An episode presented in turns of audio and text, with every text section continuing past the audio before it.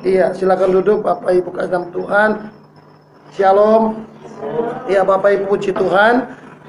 Eh, saya bersyukur kalau tahun 2020 saya bisa ada di Kerawang karena saya dengan Pak Gembala di tempat ini adalah sahabat lama dan kami sempat bermain piano sama siapa? Frederick. Ya, puji Tuhan Saudara. Eh, nama saya Pendeta Lodi Tapari. Ya, Tapari pasti dari Ambon dan mungkin dari Tapari. Ya, dari Ambon. Dan saya dulu di Kerawang cukup lama. Ya, terakhir saya melayani Tuhan sebagai pengerja di gereja Betel Indonesia Rahmani. Dan tahun 2011 eh, kami harus pulang ke Ambon karena saya harus, eh, harus ke Ambon. Kami pulang ke Ambon 2011 dan kami mulai membangun pekerjaan Tuhan saya dengan istri di Ambon bukan di kotanya, tetapi dari Ambon masih tiga hari atau dua malam perjalanan dengan kapal itu masuk satu daerah kabupaten namanya Maluku Baradaya. Itu pulau-pulau terselatan dan pulau tersendiri, saudara. Jauh dari kota, jauh dari mall, jauh dari dari keramaian, saudara. Dan Tuhan tempatkan saya di situ, saudara. Ya, namanya uh, Desa Batu Miau, Kecamatan Pulau Leti, Kabupaten Maluku Baradaya. Jauh sekali. Dan akses di sana hanya melalui kapal laut. Kami pulau-pulau saudara ya, kecamatan di pulau. Kalau ke kabupaten harus lewat speed. Pulau-pulau. Maluku Baradaya dan Tuhan percayakan saya pengembalaan di sana tahun 2011 kami pulang karena istri saya orang MBD maka kami melayani Tuhan di sana 2011 12 kami merintis sampai 2017 ya cukup lama, enam tahun baru saya ditabiskan jadi gembala sidang cukup lama, saudara. Dan saya tidak ketemu dengan hambanya Pak Pendeta di tempat ini sembilan tahun kami nggak ketemu, saudara. Karena kalau mau dari Maluku Baradaya ke, ke Jawa saja, ke Surabaya atau ke Jakarta, sekali jalan 5 juta. Ya, pulang pergi berarti 10 juta. Lebih baik 10 juta belikan tempe semula kita makan sama-sama. Nah saudara, saya satu istri dan anak saya perempuan tiga semua. Mereka ada di sana. Dan puji Tuhan dalam perjalanan waktu lepas waktu saudaraku dari tahun 2011 kami pulang ke Pulau Leti. Lalu di situlah kami mulai melayani Tuhan dengan mengembalakan cukup lima orang saja. Ya ini tema firman Tuhan tetap setia. Tetap setia sama-sama dengan saya katakan tetap setia sama-sama tetap setia. Saudara, Tuhan bawa saya dari kota Karawang ke Pulau Leti yang terpencil yang lampunya menyala dua hari sekali. Tidak ada mall, tidak ada pasar. Siapa mau ke sana? Pelayanan? Pada nggak ada mau.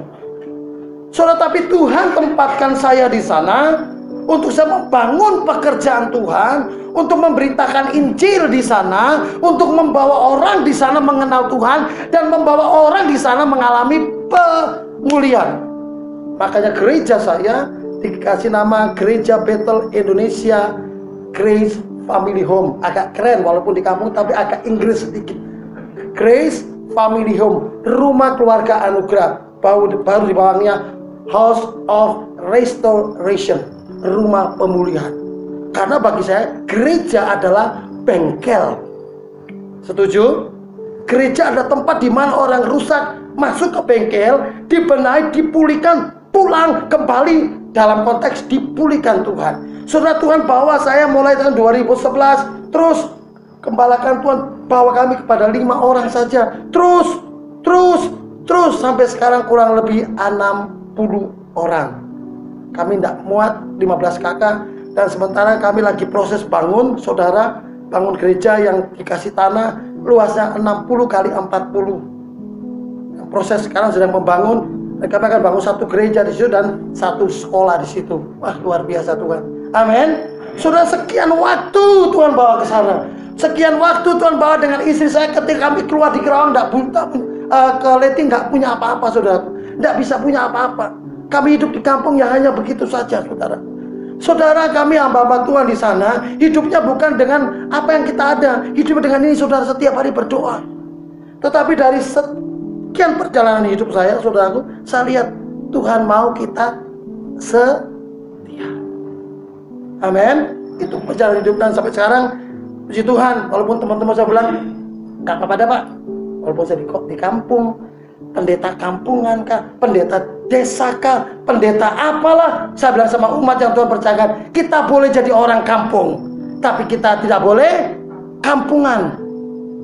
Kita punya harus punya integritas sebagai umat pilihan Tuhan, punya integritas sebagai warga kerajaan Tuhan. Ini yang saya tanam kepada mereka. Ya. Yang ada mereka bagaimana ketika engkau beribadah tempat ini, engkau menemukan Tuhan dan engkau beda dari yang lain. Kalau di kampung saya itu setiap hari ah, karena kampung saya ini desa desa Batu Mio ini penghasil minuman pak namanya Sopi ah, dia tahu Sopi ini minuman keras tua, penghasil minuman semua saudara. Itu semua kalau mereka jual itu sampai bergen-gen karena hidupnya di situ saudara. Saya bilang sama teman-teman, kita ini boleh melarang orang untuk tidak minum, tapi kita tidak boleh larang orang, orang untuk berjualan sopi itu mata pencarian. Saudara, Tuhan bawa hari lepas hari, Tuhan bawa hari lepas hari sampai sekarang. Puji Tuhan. Pelayanan diberkati Tuhan, Tuhan kasih tanah, Tuhan kasih dari kami pelayanan dengan motor Suprawi Tuhan kasih mobil. Ini mau bawa lagi ini semua berkat ketika kita setia. Kita akan lihat firman Tuhan saudara saya kan tidak panjang lebar. Waktunya 30 menit. Saya khotbah biasanya 4, 4 jam saudara. 3 jam 4 jam itu paling minim saudara ya kita lihat Wahyu pasal yang kedua kita akan baca ayat yang ke-8 sampai dengan ayat yang ke-11 Mari sama-sama kita buka Alkitab atau ada bawa Alkitab atau bawa HP suci? Ada HP suci sini ya? Ya. Kalau kami di di Maluku jarang bawa HP suci. Apa ini Alkitab ya? Ini Alkitab sudah. Sudah. Kalau HP suci silakan buka di HP suci atau di Alkitab. Ya. Di dalam Wahyu pasal yang kedua ayat yang ke-8 saya akan baca ayat 8 Bapak Ibu 9 11 kita akan baca bersama-sama dengan judul perikop kepada jemaat di Smyrna. Demikian firman Tuhan dan tuliskanlah kepada malaikat jemaat di Smyrna. Inilah firman dari awal dan yang akhir yang telah mati dan hidup kembali Bapak Ibu.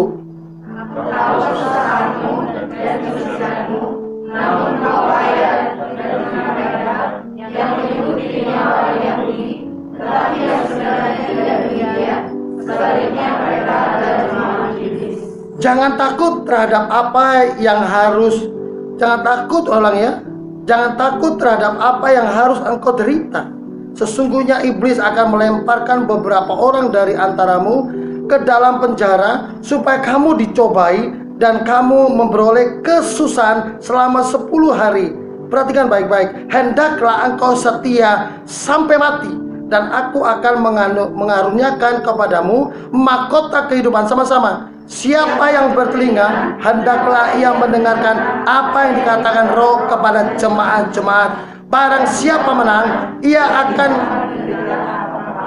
oleh kematian yang kedua. Saudara yang menjadi nas kita hari ini, ayat 10 bagian B. Hendaklah engkau setia sampai mati, dan aku akan mengaruniakan kepadamu mahkota kehidupan. Saudara, jemaat di Smyrna ini adalah jemaat ya yang memang mereka banyak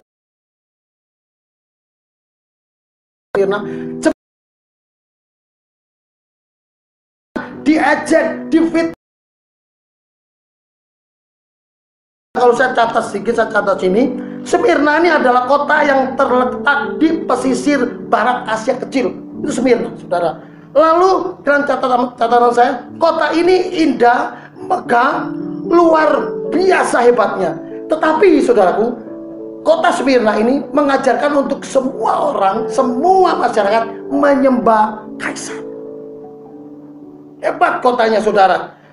Saudara, dalam perjalanan Rasul Paulus, kemungkinan jemaat Smyrna ini dibangun oleh Rasul Paulus sekitar tahun 53 sampai 56 Masehi. Sudah bisa baca di kisah 19 ayat 10 nanti baca. Jadi Rasul Paulus mendirikan jemaat di Smyrna ini dan kemudian dikembalakan oleh Polikarpus.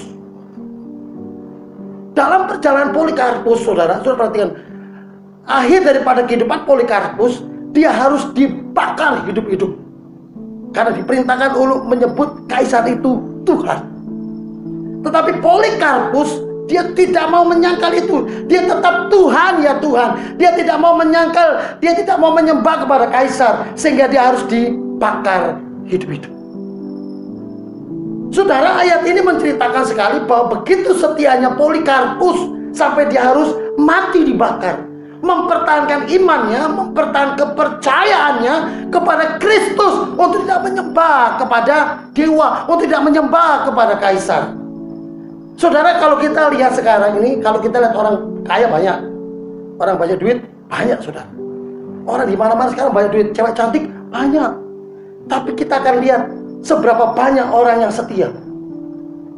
Orang kaya kita bisa temui di mana-mana, saudara. Amin. Orang pintar kita bisa ketemu di mana-mana. Pertanyaannya, pernahkah kita melihat orang setia? Saudara Alkitab berkatakan kalau kita setia maka Tuhan akan mengaruniakan kepada kita apa? Mahkota kehidupan garis bawah ininya air-air zaman ini orang yang tidak setia. Saudara aku kesetiaan ini ada dua saudara. Setia kepada Tuhan, setia kepada kelu keluarga. Banyak orang yang tidak setia terhadap pasangannya. Ya, saya survei 80% orang dalam keadaan psikis 80% selingkuh paling banyak. Saya tanya, kenapa Pak selingkuh? Kan selingkuh kan selingan indah keluarga utuh. Saudara jemaat yang kami layani adalah tadi saya katakan House of Restoration, jemaat yang kami layani di sana, yang Tuhan percayakan kepada saya untuk kami gembalakan adalah jemaat yang trouble maker. Saya tidak pernah pergi orang-orang iming-iming, ya ke gereja saya tak kasih gula, tak kasih beras, haram bagi gereja kami. Gereja kami menghalalkan ketika engkau percaya dengan Yesus. Maka saya bilang sama Pak Pak bersyukur Pak. Gereja di tempat ini, ya bersyukur saudara. Amin. Engkau di tempat ini saudara. Saya bilang ini seperti domba di tengah-tengah sri. Saudara beribadah di tempat ini dengan lingkungannya di sini daripada saudara beribadah di ruko ruko tempat umum banyak sekarang orang buka gereja di ruko-ruko karena tidak mau bermasalah tapi ini yang Tuhan mau ya serigala punya tempat untuk meletakkan kepala. Tapi anak manusia tidak punya tempat untuk meletakkan kepalanya. Saudara hamba Tuhan adalah domba yang ada di tengah-tengah serigala. Jemaat Tuhan yang setia harus berada ditanam di apa? Tengah-tengah saya kemarin lagi kumpul teman di Mas mereka kasih ilustrasi. Seorang seorang laki-laki ketika masih belum menikah dia seperti buaya tapi ketika dia sudah menikah dia menjadi seperti cecak tapi wanita ketika belum menikah seperti kucing tapi ketika setelah menikah dia akan jadi macan, saudara. Amin. Berubah. Ya sebelum laki-laki sebelum dia menikah dia garangnya kayak buaya saudara. Tapi setelah dia menikah dia kenal Tuhan seperti cak takut. Tapi wanita seperti kucing, kucing, ketika dia menikah dia akan kalah dengan suami papi. Mana uang gaji di tengah-tengah pandemi? Lu ke mana kan itu uang? Ini ini covid papi 5000 berarti tidak ada mami. Kalau begitu angkat kaki keluar dari rumah. Mamai. Dulu ketika masih pacaran kucing meong sayang. Meong. Cinta bagaimana? Meong. Begitu sudah saya terima. Apa nikahnya? Dengan mas kawin seperangkat Alkitab. Tanda tangan Pak Gembala, Bapak Pendeta Suwardi. Dua tahun kemudian Suami datang, Pak, gimana istri saya, Pak? Dulu ketika kita masih berpacaran luar biasa, Pak. Dia meong-meong terus. Sekarang dia taring sudah keluar. Papi, pondem, anu apa ini? Covid Papi kenapa di PHK KI apa KI sudah tutup kak Papi. Cepat cari kerja sekarang. Mau ojek kah? Mau mancal becak kah? Mau dodolan tahu kah? Mau bakul tempe kah? Cepat cari uang susah mami nggak ada duit ada cuman 20 ribu kalau begini lebih baik pulangkan saja saya 20 ribu setiap hari Saudara pertanyaannya, hal ini yang disebut dengan setia, ketika menikah di depan altar Tuhan, aku menerima engkau dalam keadaan suka dan duka. Ketika sudah menikah, tidak mau du, duka, maunya su. Ada di sini? Ada. Dileti banyak ya. Ya. Saudara kekasih yang Tuhan kasih, saudara apa arti dari setia? Yang pertama kita setia dalam keluarga. Amin. Yang pertama dulu, setia dalam keluarga yang punya pasangan, mama, papa, ya suami istri, setia dengan pasanganmu. Saya punya HP ini paling banyak saudara, karena saya sudah setting. HP yang satu untuk yang umum, HP yang dua untuk saya sama istri, bisa. Yang ketiga saya sama anak, HP tiga saudara. Wah, haleluya. Sudah setting saudara. Dan hari-hari saya, saya memang tiba telepon, tapi hari-hari saya, saya lebih lebih senang telepon ke istri. Halo papi, halo anak saya paling kecil. Papi, ayo kita berdoa. Pada berdoa, Tuhan Yesus berkati papi, kasih uang papi yang banyak supaya papi bisa pulang. Karena 5 juta saudara. Model-model covid kini mana ada 5 juta. Kalau kita nggak tikam lutut, apa tikam lutut ya? lutut eh, sujud menyembah Tuhan, susah saudara. Saudara yang pertama Tuhan mau supaya kita setia dengan pasangan. Sama-sama dengan saya katakan setia dengan pasangan. Oh yang berat-berat nih nggak mau nih. Setia dengan pasangan. Ada hari ini yang bawa pasangan? Ada. Bilang dengan pasanganmu, mami setia deh. Bisa? Yang punya pasangan hari ini? Coba yang pasangan, walaupun isinya jauh, mami setia deh. Ya. Hari hari ini enam boru, amang boru, katakan daun sinamut oh nahurang ada. Nah apa? Ala sinamut do nahurang amang. Alani hepeng naswada sang nikah kamu karena karena saya bayar kamu punya sinamut asik. Saya ngerti saudara iya nah itu saudara kalau tidak ada hepeng abang sayang nah ngadu hepeng abang ditendang saudara istri gini yang orang Batam bilang kamu ini si polis martab juga Amin. Saudara mari yang pertama adalah setia dengan pasanganmu. Amin. Yang kedua, setia dengan Tuhan, setia dengan tubuh Kristus, setia bergereja. Amin. Ada yang setia hari ini selama 20 tahun ikut Pak Gembala? Ada enggak? Yang masih hari ini L3, lu lagi, lu lagi, ada enggak di sini? Masih tetap bertahan? Ada? Coba yang saya mau lihat yang yang 20 tahun bertahan, angkat tangan. Yang bertahan. Luar biasa. Yang baru-baru. Saudara, Tuhan mau kita setia dalam kita bergereja. Tuhan mau kita setia dengan baik-baik umat Tuhan. Tuhan mau supaya kita setia dengan gereja, organisasi, setia dalam pekerjaan Tuhan, setia dalam tubuh Kristus, saudara. Ada akhir-akhir ini banyak orang nggak setia sehingga saya kasih nama GPPS, gereja pindah-pindah selalu. Aduh Pak Pendeta sini nggak ada AC, kipas angin saya berkeringat Pak. Bisa cari yang di mall sana kah, yang di uh, Mercury sana. Haleluya. Saudara, saya mau kasih tahu. Ketika Tuhan Yesus pergi dan dia melihat pohon ara yang lebat daunnya, perhatikan Bapak lebat daunnya, Tuhan mau ambil buahnya, tapi dapat tidak buahnya? Gak dapat. Tuhan bilang, mungkin tahun depan dia berbuah. Tuhan Yesus pergi dan Tuhan Yesus datang kembali. Tidak didapati buahnya. Lalu Tuhan bikin apa? Halo? Pohon ara yang rimbun itu diapain sama Tuhan Yesus? Halo, diapain? Sama-sama diapain? Kurang keras. Saudara, pohon yang rimbun daunnya ibarat orang Kristen yang suka seleb, suka pindah-pindah gereja, tapi tidak menghasilkan buah. Hati-hati. Banyak orang Kristen yang suka daun-daun saja. Di sana KKR ada dia di sana. Ada di sana, ada di sana. Ini gereja mana? Jelas, saudara. Tapi Tuhan mau supaya kita tertanam pada akar pohon, kemudian menghasilkan buah yang lebat, daun yang rimbun, dan menghasilkan buah. Kalau saudara mau itu, saudara tetap setia kuncinya. Saudara saya bersyukur 9 tahun saya setia di Pulau Leti. Memang awalnya gejolak saudara. Pindah di pulau di satu tempat yang tidak ada mall, yang tidak ada apa-apanya. Ada pasar tapi jam 4 pagi. Cuman jual singkong, daun sing, daun pepaya, daun singkong, apalagi ya lupa sudah banyak saudara. Ikan itu sudah tiap hari saudara. Kita pergi belanja dengan pakai senter di kepala karena jam 4 pagi. Nama itu apa ya? Oh itu kasbinya, itu ketela. Oh ya berapa kah? Sepuluh ribu. Ribu. Itu cuman satu minggu satu kali baru bisa ke pak ke pasar. Pasarnya juga hanya meja-meja. Awalnya berontak gak mau. Uh, di Kerawang saya naik mobil pak, apa tahu saya tidak kurang apa-apa.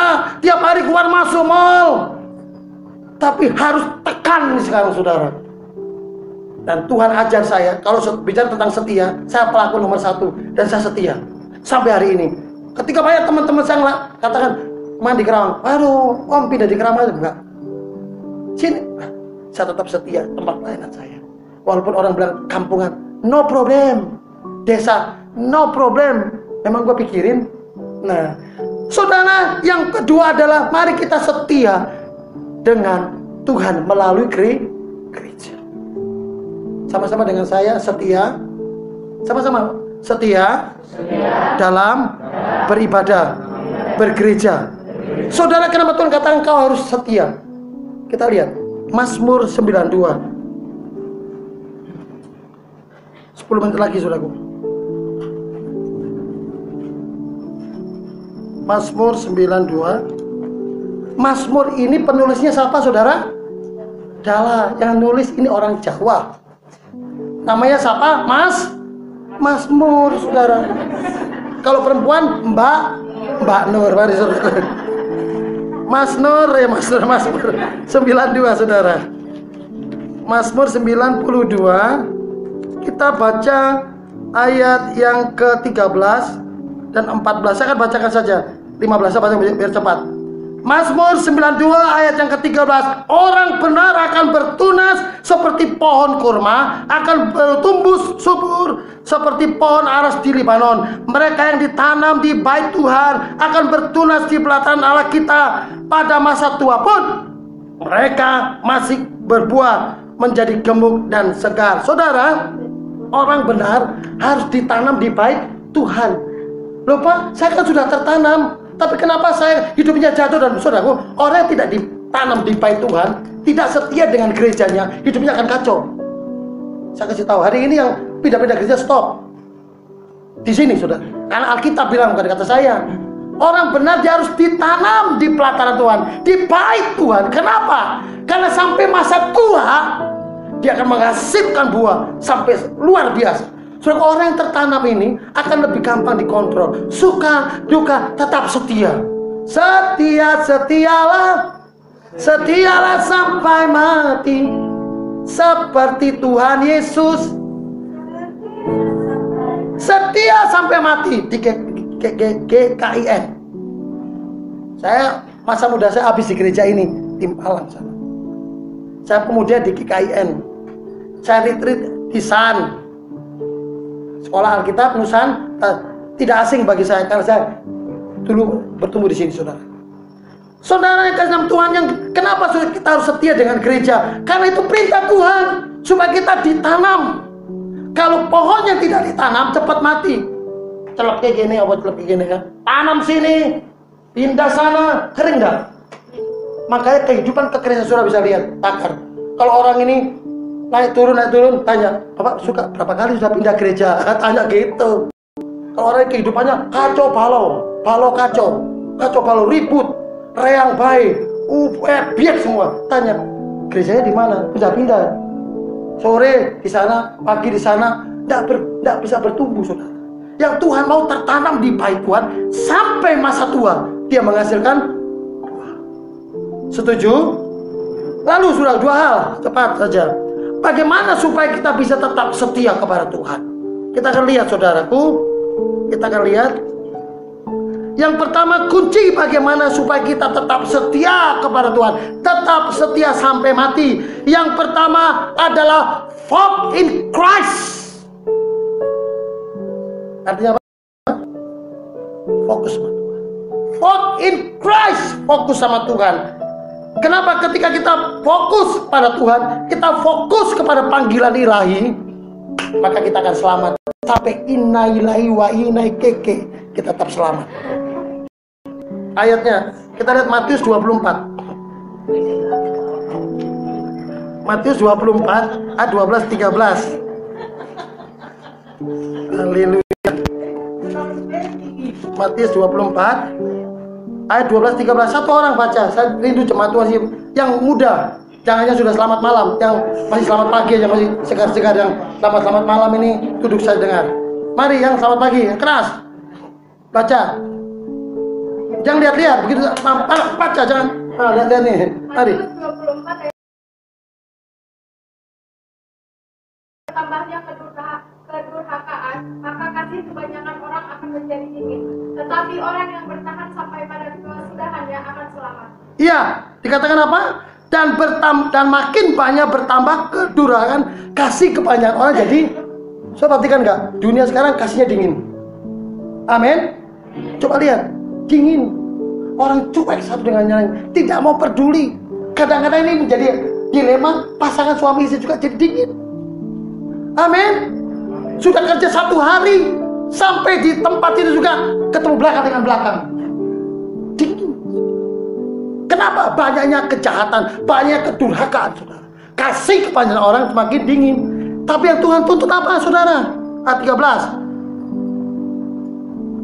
Tetapi orang yang bertahan sampai pada kesudahannya akan selamat dalam terjemahan yang lain tetapi orang yang bertahan di kanan tetapi orang yang bertahan orang yang setia sampai akhir akan selamat mafit dunia hasanawal akhirati benar saudara fokus kepada Tuhan fokus kepada Tuhan fokus kepada panggilan ilahimu saudara dipanggil apa sebetulnya memuliakan Tuhan. Amin. Saudara saya diciptakan Tuhan tujuannya apa? Untuk menyenangkan Tuhan, bukan yang lain.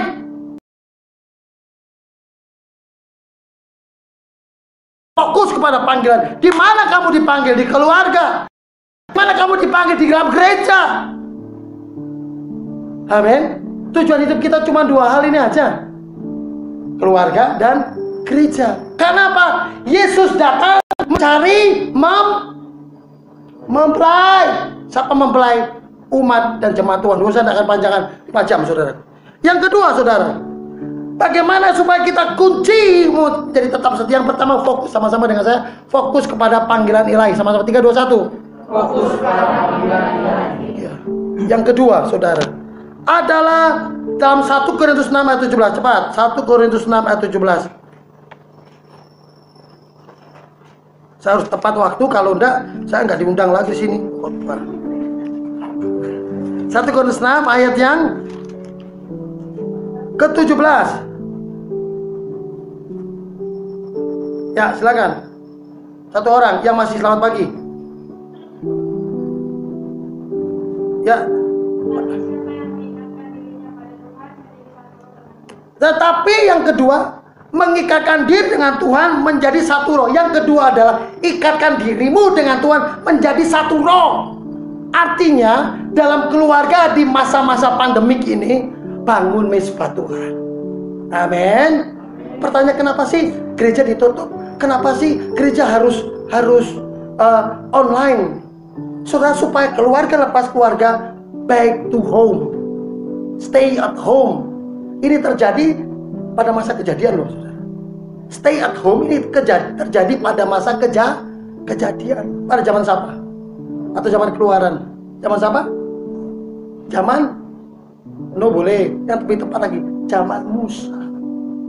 Ketika tulah sepuluh, Tuhan Yesus bilang apa? Masuklah kamu ke pintu rumah, masuklah kamu ke kamar rumah-rumahmu, maka mereka keluar dengan tutup.